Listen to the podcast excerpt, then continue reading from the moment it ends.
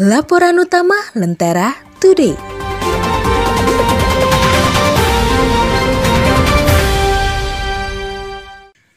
RI menuju ekonomi hijau, realistis atau halu?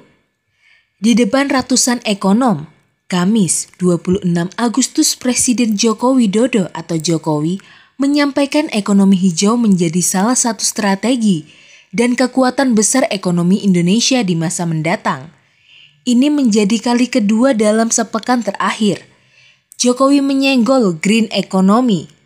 Setelah sebelumnya juga menyebut konsep tersebut saat pidato kenegaraan kemerdekaan pada 16 Agustus lalu dari sumber daya alam atau SDA negeri ini memang dianugerahi kekayaan melimpah.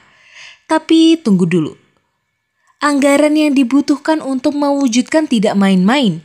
Menurut Menteri Keuangan Sri Mulyani, Indonesia butuh dana sebesar 247,3 miliar atau setara dengan 3.560 triliun untuk mengurangi 1.080 juta ton karbon saja. Belum lagi pembangunan kawasan industri hijau yang tentunya akan menyedot dana besar.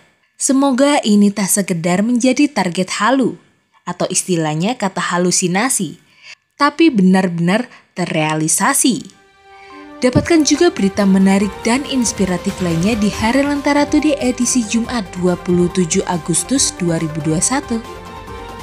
Cek edisi digitalnya di www.lentaratoday.com.